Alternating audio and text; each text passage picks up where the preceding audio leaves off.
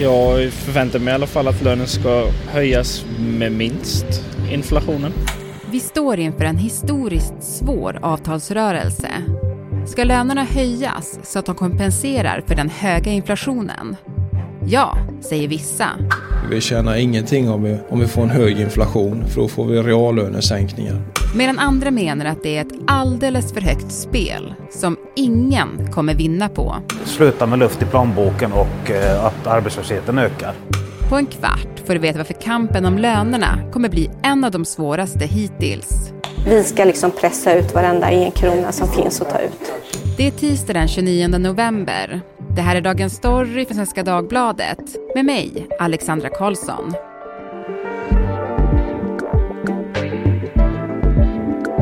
Johan Karlström, ekonomireporter på SvD Näringsliv. Hallå! Tjena! Hej! Du, tycker du att jag redan nu ska ge upp tanken på en löneökning nästa år? Ja, alltså det, alla får ju inte samma löneökningar så man vet ju aldrig, man kan ju alltid hoppas men, men de allra flesta så att säga, snittet kommer att få räkna med en, en lönesänkning även nästa år. Och eh, kanske inte lika stor faktiskt som i år då för att uh, i år så ser Riksbanken till exempel att, att um, man får en real lönesänkning på ungefär 5% i snitt i Sverige. Mm. Real lönesänkning det betyder alltså en lönesänkning då justerat för inflationen.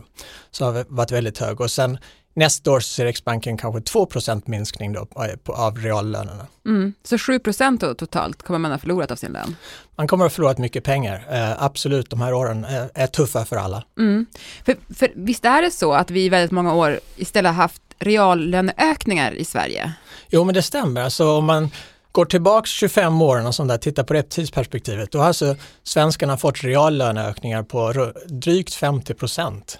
Så det är, det är massiva löneökningar. Vi har blivit rejält mycket rikare de här senaste 25 åren. Mm. Det, det snittar alltså på en reallöneökning på ungefär 2% av året. Mm. Så att, eh, och, och, dessutom så är det mycket högre än i, i övriga Europa då, om du tittar på snittet där. Mm. Så det har gått bra för Sverige och svenska löntagare. Mm. Men nu är sötebrödsdagarna över. Ja, nu är, det, nu är det lite jobbigare. Nu håller jag på att slänga med med det här reallöneökningsbegreppet. Men, men vad exakt är det? Ja, nej, men det är ett ja, komplicerat ord är det väl inte, men det är ett något sån här komplicerat ord för att egentligen bara beskriva eh, hur mycket lönerna ökar justeras för inflationen. Att om det, så, my så mycket mer ökar lönerna än vad priserna ökar. Mm. Och när man pratar om reallönesänkningar så är det tvärtom. Då är det precis tvärtom. Du, eh, den här avtalsrörelsen eh, som det har börjat snackas om nu och som drar igång nästa år kan man väl säga. Alltså varför kommer den bli så svår?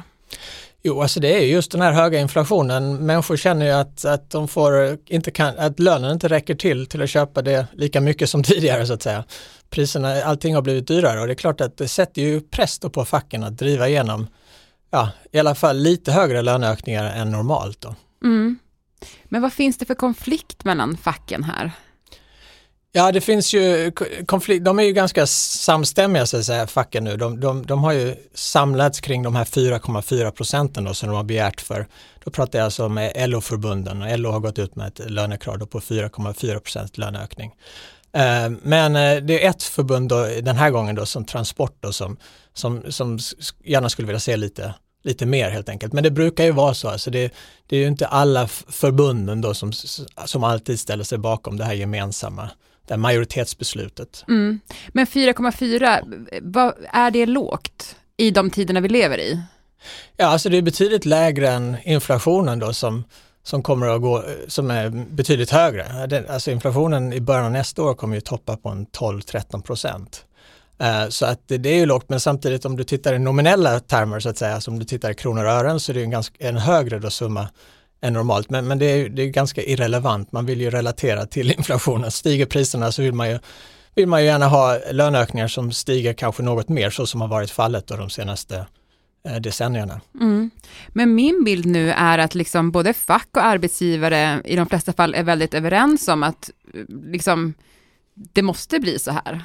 Jo men absolut, det, det, måste man väl ändå säga att, att, att de är i alla fall överens om att man kan inte go crazy så att säga, att begära för mycket. För där, där har vi ju lärt oss en läxa då från 70 80-talet då där, där man, man, man, alltså facken jagar inflationen, löntagarna jagar inflationen. Burrows furniture is built for the way you live.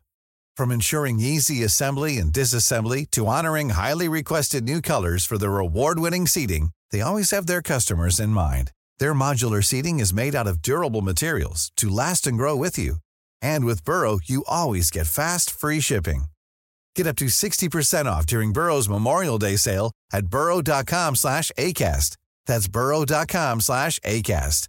burrow.com slash ACAST.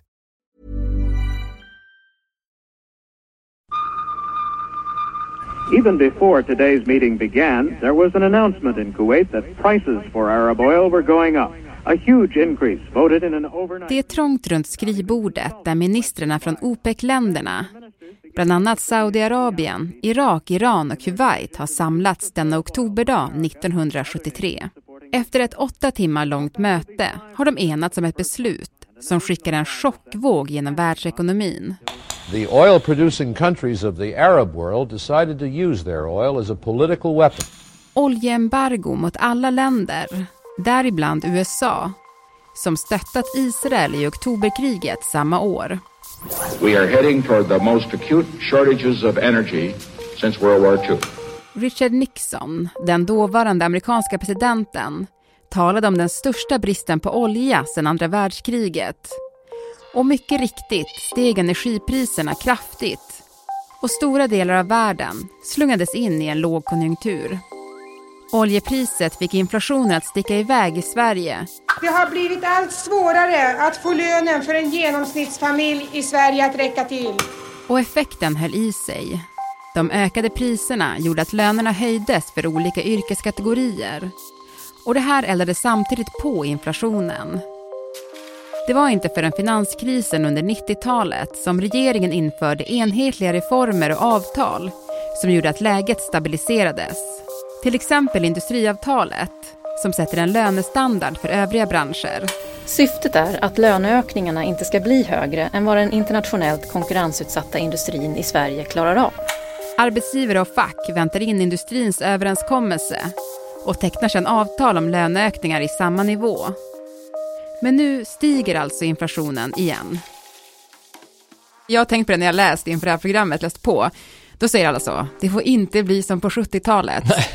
Nej men precis, nej men det, det är just den här lärdomen alltså, och, och då, då kommer man in på det här med vad, vad, är negativt med hög inflation? Man kan ju fråga sig, ja men om lönerna, om du har en hög inflation men lönerna stiger ännu mer, what's the big deal, varför spelar det någon roll? Jo, alltså hög inflation har ju en mängd problem då, till exempel då sitter du på besparingar och inflationen, priserna ökar med 10 ja då minskar ju värdet på de här besparingarna till exempel som du har. Pensionärer som kanske har sparat hela, hela sitt liv som, och då, då minskar eh, värdet på de där. Eh, och dessutom så eh, visar ju då historien att om du har en hög inflation och lite hopp och sådär, man vet inte riktigt var den kommer att hamna, då skapar det en osäkerhet i hela det ekonomiska systemet bland företag, bland konsumenter. Företag kanske håller tillbaks på investeringar. Eh, hushållen kanske håller lite hårdare i plånboken och det får en negativ effekt på ekonomin i sin helhet. Arbetslösheten stiger och det är inte bra för någon, speciellt inte för för eh, lite svaga, sårba, mer sårbara grupper som ofta brukar hamna i arbetslöshet först om när arbetslösheten stiger. Mm. Men samtidigt då som löntagarna riskerar att få mindre i plånboken så fortsätter ju då hyror att eh, öka, bolån att öka, elen är dyr, priset på mat går upp. Alltså varför är det just lönerna som ska hållas nere? Ja, det är en jättebra fråga. Eh, eh, om man tänker inflation är ju priser, liksom prisökningar. Eh, och då är det liksom två stycken saker i ekonomi som påverkar priser och det har med efterfrågan och med utbud att göra.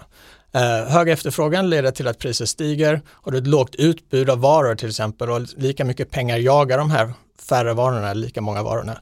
Då kan priserna också eh, öka. Eh, och efterfrågedelen det har ju då med löner att göra. Om man håller nere lönerna så håller man nere efterfrågan och då kan man hålla nere inflationen. Det är ganska då relativt enklare att göra då, att man försöker göra det och det är det precis det vi håller på med. Ska man, ska man då fixa med det här utbudet och försöka få upp utbudet då för att få ner priserna genom att få upp utbudet? Ja, det är betydligt svårare. Ehm, alltså, du kan tänka till exempel, nu är det då gaspriser till exempel som är väldigt höga. Det, det, är svårt att få upp, det är svårt att tvinga Putin så att säga att, att uh, leverera mer gas till Europa. Eh, så det, så det är väldigt svårt att påverka den utbudskomponenten. På, på längre sikt kan man effektivisera företag och så här, få dem att producera mer, mer på lika lång tid så att säga och, och på så sätt få upp utbudet. Men, men det är också en sån här fråga på mycket längre sikt. Eller så kan man då försöka tvinga företagen då att, att liksom inte höja sina priser. Men, men det, det rimmar ju inte riktigt med marknadsekonomi och dessutom har ju företag då väldigt höga kostnader nu och eh, inte alla företag men, men väldigt många då som de måste eller känner sig tvingade att föra vidare till konsumenten. Annars gör de, går de med förluster och kan, kan det gå dåligt för företagen, gå dåligt för svensk ekonomi och så vidare. Mm, ja, allt hänger samman. Allt hänger samman, det är det som är så roligt. ja, eller, eller, eller jobbigt kanske också. Men alltså finns det inga andra sätt att hindra inflationen? Nej, eh, ja, men det är just det här utbud och efterfrågan. Och då blir det, om du ska göra det här på kort sikt, relativt kort sikt, eh, på ett eller två års sikt, och det är det man måste göra här, det är av största vikt då, anser beslutsfattare och de flesta ekonomer, att få ner inflationen så snabbt som möjligt. Då är det tyvärr det här eh, lönevapnet då, eller den här lönekanalen som man måste använda sig av främst då för att få ner inflationen. Mm. Så det är tyvärr den bistra sanningen. Ja, okej. Okay synd. Men kommer det bli en konfliktfylld avtalsrörelse? Alltså vi pratar om att många är överens om det här, men samtidigt handlar det om, om löntagare som kommer få mindre i plånboken och som kanske sätter press på facken och sådär. Hur, hur tror du att hur konfliktfyllt kommer det bli tror du? Jo, alltså det finns ju på ett sätt finns det den här samstämmigheten om att, att, att, vi, att det, vi måste hjälpas åt där och hålla tillbaks inflationen. Men, men som sagt, nu drar ju liksom verkligen förhandlingarna in på, går in här på sluttampen här då, de ska, allting ska vara klart i slutet av mars. Um, och, um, och då kommer inflationen ligga på en 12-13 procent så det är klart att det kommer att skapa spänningar då, och tryck på facken och, och försöka driva igenom det de, sin linje och sen så har ju då företag, de kommer ju då säkert facken att peka på att företagens vinstandelar har ökat de senaste åren och sånt, att det finns, att det finns ett utrymme där. Uh, och sen så vet jag också det har funnits snack, jag tror Susanna Gideonsson pratade om LO-basen. Ja, LO-basen mm. pratade om detta eh, för inte alls så länge sedan, just det här att börs löner hade ökat så mycket förra året, och jag tror de med 10 procent och sånt där för de 30 störst, mest omsatta eh, företagen på Stockholmsbörsen förra året. Och det är klart att det är inte en stor skara människor, men det är klart att det sticker väl i ögonen för många då. Ja, jag tänker att det skulle kunna leda till ett större missnöje om man jobbar på ett företag som, som gör stor vinst, eh, samtidigt som då ens egen lön liksom sänks. Det är det som transport är lite inne på. Jo men verkligen, alltså det, jag, jag förstår det men så måste man då ta det här lite bredare perspektivet då. Eh, kanske. Eh, och eh, det är ju intressant för den förra regeringen till, eh, frågade ju Konjunkturinstitutet att titta lite på det här för att det har ju varit lite snack om att vissa företag har ridit på den här inflationsvågen. De kanske inte har drabbats egentligen av sådär jättehöga kostnader eh, så som vissa andra företag har gjort men de har ändå, ja, alla andra höjer priserna så då kan vi också. Så de har ju, ska ju om några dagar presentera den här utvärderingen och där KI då, där de har tittat på hur, hur, hur mycket företagen har höjt sina priser och, och varför om det har varit rättfärdigat och så vidare. Mm, exakt, för man kan tänka sig att en del också har passat på. Det, det, har Riksbanken varit inne, till och med Stefan Ingves var inne på det. Någon kritiserar honom för det, för de tyckte inte han hade tillräckligt med kött på benen. Men, men, eh, men eh, så, kan, så kan det absolut vara, det hade inte varit helt onaturligt. Företag är inte Företag är ute efter att tjäna så mycket pengar som möjligt för sina aktieägare såklart. Mm. Du Johan, väldigt många berörs ju av det här. Det är ju liksom ens lön som det handlar om och vi är i liksom svåra tider. Alltså hur tycker du att man ska tänka? Ja, nej, alltså det, jag, jag, förstår att folk deppar. Eh, men, men man får väl då tänka, om man ska tänka positivt, så får man väl tänka på det här lite längre perspektivet. Det har ju faktiskt gått väldigt bra för svenska löntagare.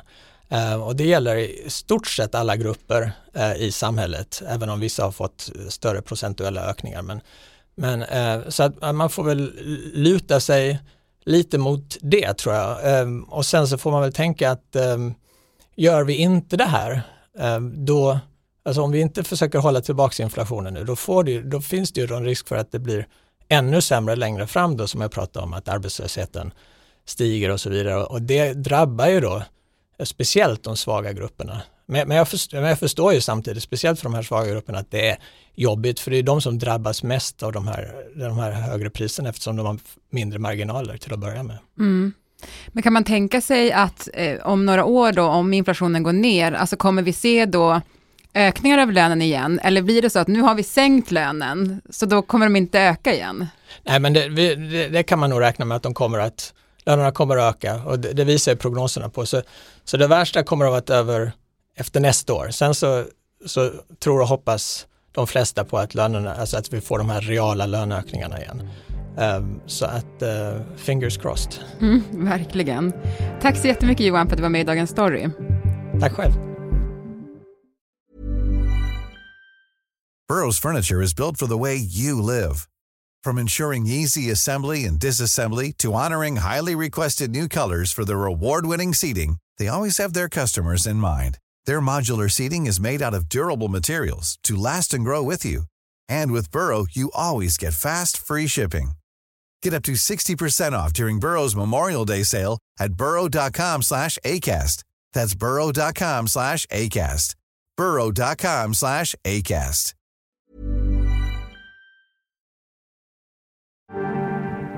Programmet idag producerades av Mattias Stellert, redaktör var Erika Hallhagen och jag heter Alexandra Karlsson.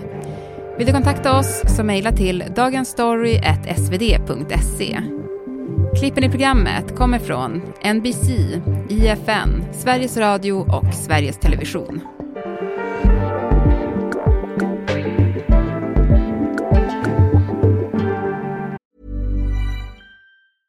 Even when we're on a budget, we still deserve nice things. Quince is a place to scoop up stunning high-end goods for 50 to 80% less than similar brands. They have buttery soft cashmere sweaters starting at $50, luxurious Italian leather bags, and so much more. Plus, Quince only works with factories that use safe, ethical, and responsible manufacturing. Get the high-end goods you'll love without the high price tag with Quince. Go to quince.com/style for free shipping and 365-day returns.